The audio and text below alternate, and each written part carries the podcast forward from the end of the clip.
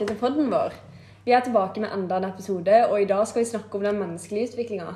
Dette er et interessant tema som vi snakker mye om for tida, og i dag tenkte vi å dele det vi vet om utviklinga, og snakke om de ulike teoriene som finnes. Den menneskelige utviklinga skjer helt fra vi blir født til vi dør. Eh, Den kan jo deles inn i flere utviklingsområder. Vi har det sosiale, det tankemessige og det emosjonelle. Det finnes også ulike teoretikere som har kommet fram med sine teorier.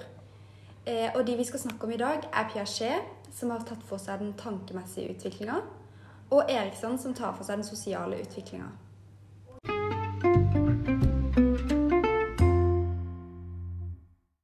Den første teorien vi skal snakke om, er Jean Piagets teori.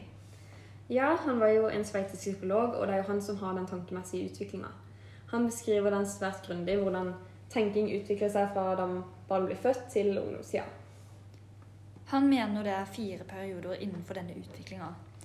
Vi har den sansemotoriske perioden, pre- preoperasjonelle, konkretoperasjonelle og den formaloperasjonelle perioden. Den første perioden er den sansemotoriske perioden. Og det er fra barnet blir født til barnet er ca. Sånn to år gammel. Eh, og da opplever barnet omgivelsene direkte gjennom sansene og utvikler hukommelse, slik at de får en viss forståelse for tid. Og i slutten av denne perioden så utvikles evnen til å danne forestillinger. Og det er grunnlaget for begrepsforståelse og læring av språket videre. Den andre perioden er den preoperasjonelle perioden. Da er jo barnet rundt to til seks år gammelt. Eh, Da utvikler de et mye rikere språk. De lærer seg å tenke mye mer eh, abstrakt. I tillegg så lærer de seg å generalisere og differensiere ting i slutten av denne perioden. Eh, Tenkninga er også veldig i starten ganske så egosentrisk, og det betyr jo at de tenker mye mer på egne behov. Eh, og de har også en veldig begrensa evne til re reversibel tenkning. Ja, for jeg husker jo da lillebroren min var liten, og vi f.eks. fikk besøk av fetteren min, så ønska ikke broren min da å dele lekene sine med han, da, for han så bare sitt perspektiv, altså når det gjelder egosentrisitet. Så da var det liksom, da begynte de å krangle fordi at de klarte ikke å se hverandres perspektiv.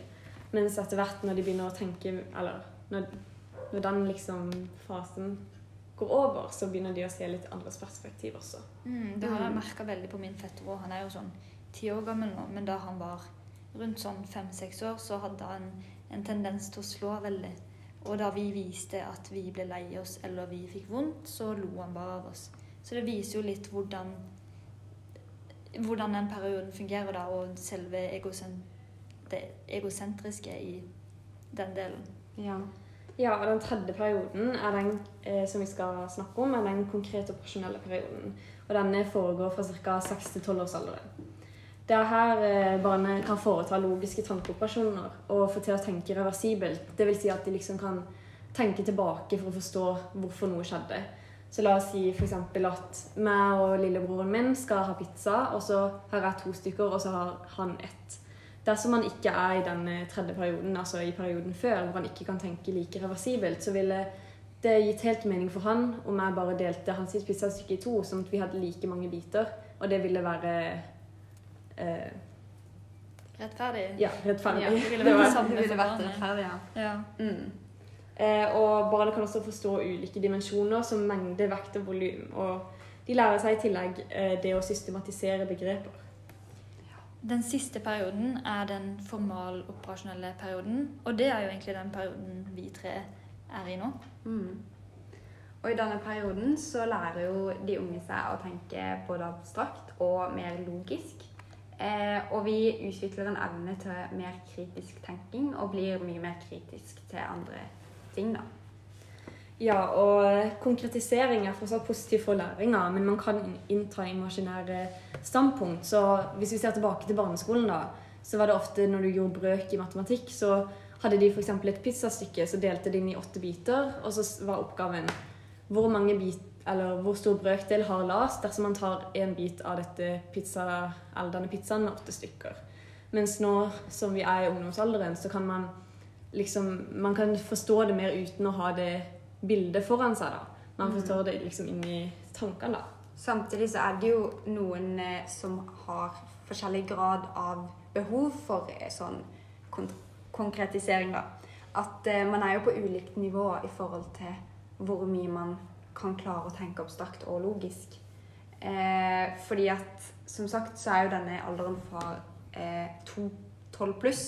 Så det er liksom fra 12 og opp til ja, hele ungdomstida, egentlig. Så eh, det er jo derfor man på en måte kanskje har eh, forskjellig nivå i matte og sånne ting. Fordi at man eh, har ulike vanskeligheter med å forstå sånt. Ja, så man har altså ulike grader av abstrakt tenking. Mm. Men det er fortsatt ting som er til felles for oss, da. Eh, Og det er f.eks. at man gjerne prøver ut en del egne ideer, og så lager man planer for livet. Og så er man ofte kritisk til det de voksne mener, da. Ja, det er man.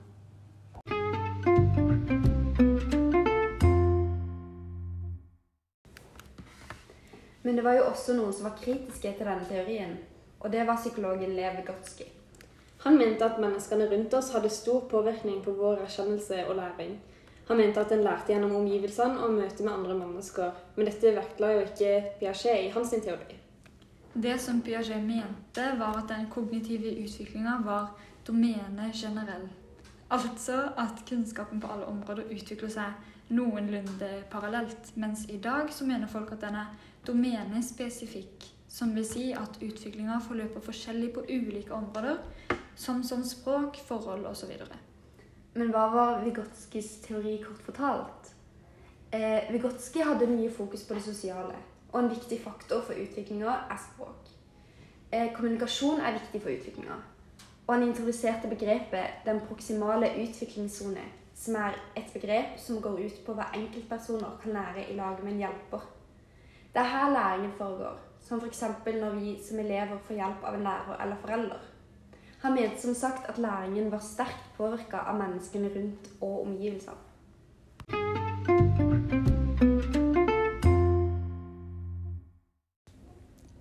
Før vi går litt videre i programmet og snakker om den sosiale utviklinga, tenkte vi å ta et lite avbrekk og spille sangen 'Dra tilbake' av Erik og Chris, som vi synes er litt sentral for dette temaet.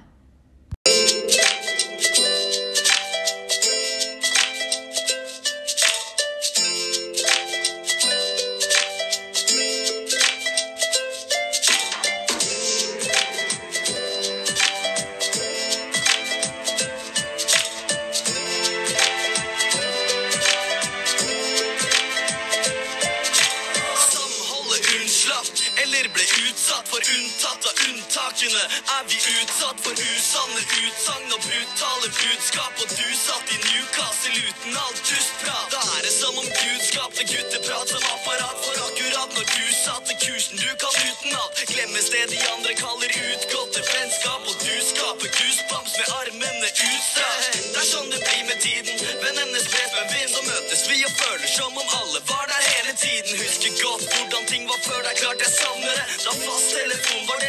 knyttet oss sammen med. Så kanskje vi kan dra tilbake for å føle selv. Gjenoppleve stemningen og spenningen en lørdagskveld. Da vi snek på trikken eller løp på skinnene med flasker oppi sokker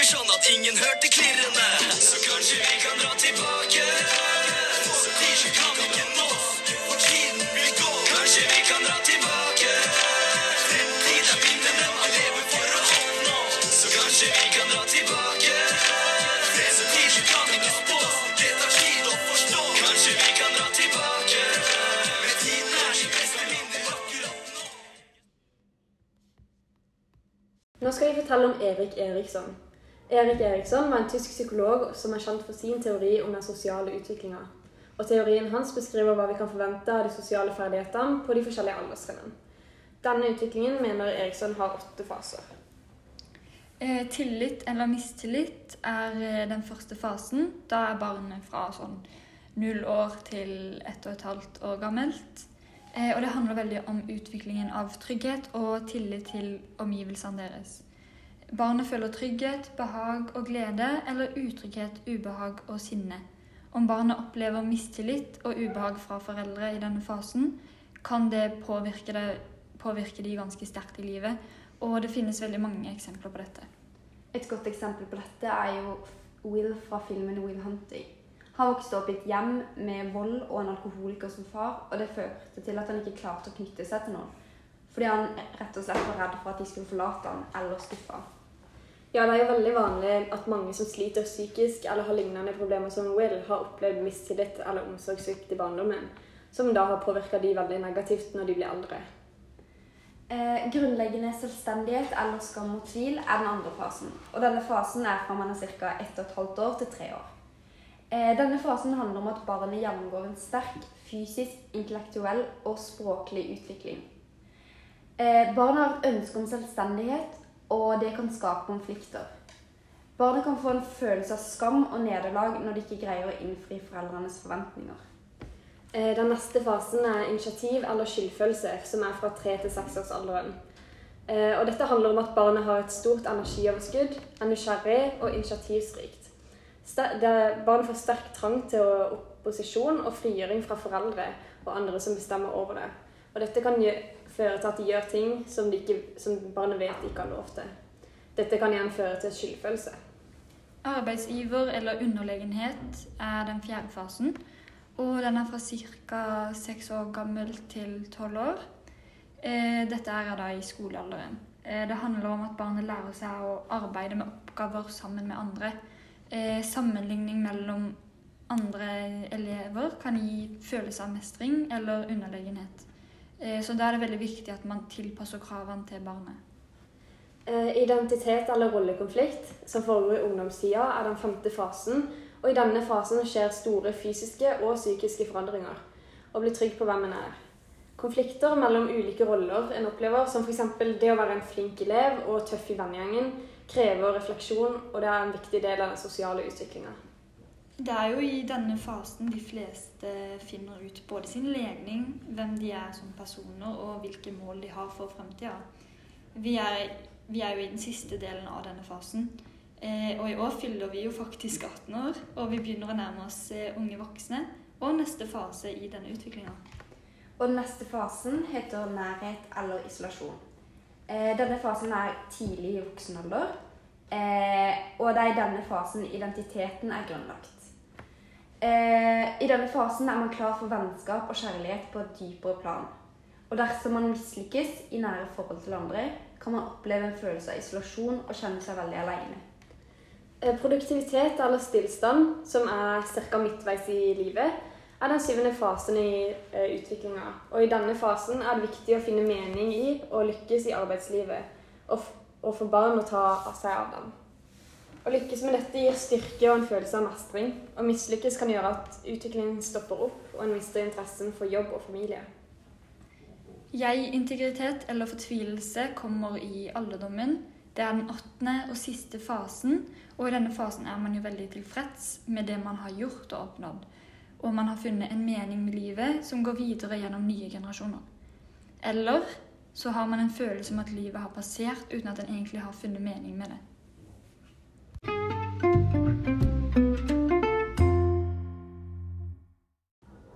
Nå som vi nærmer oss slutten, så skal vi ta en sammenligning av teorier. Det første vi tenkte å ta for oss, er likhetene mellom Piaget og Eriksson. En åpenbar likhet er at begge handler om menneskets utvikling gjennom livet.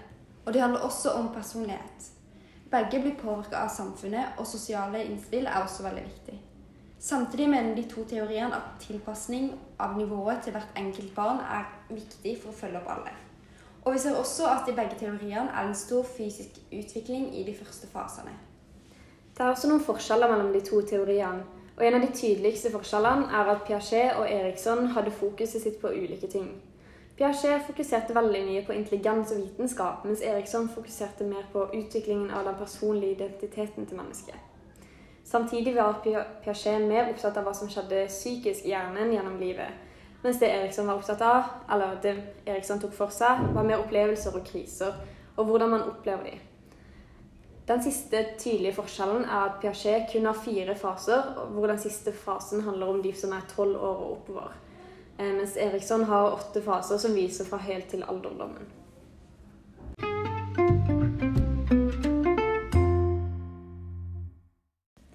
Helt til slutt så tenkte vi å ta en liten oppgave til deg som lytter. Og vårt spørsmål til deg er følgende. Hvilken periode befinner du deg i? Og kan du kjenne deg igjen i de ulike fasene? Har du et eksempel? I så fall, gjerne send inn melding til oss.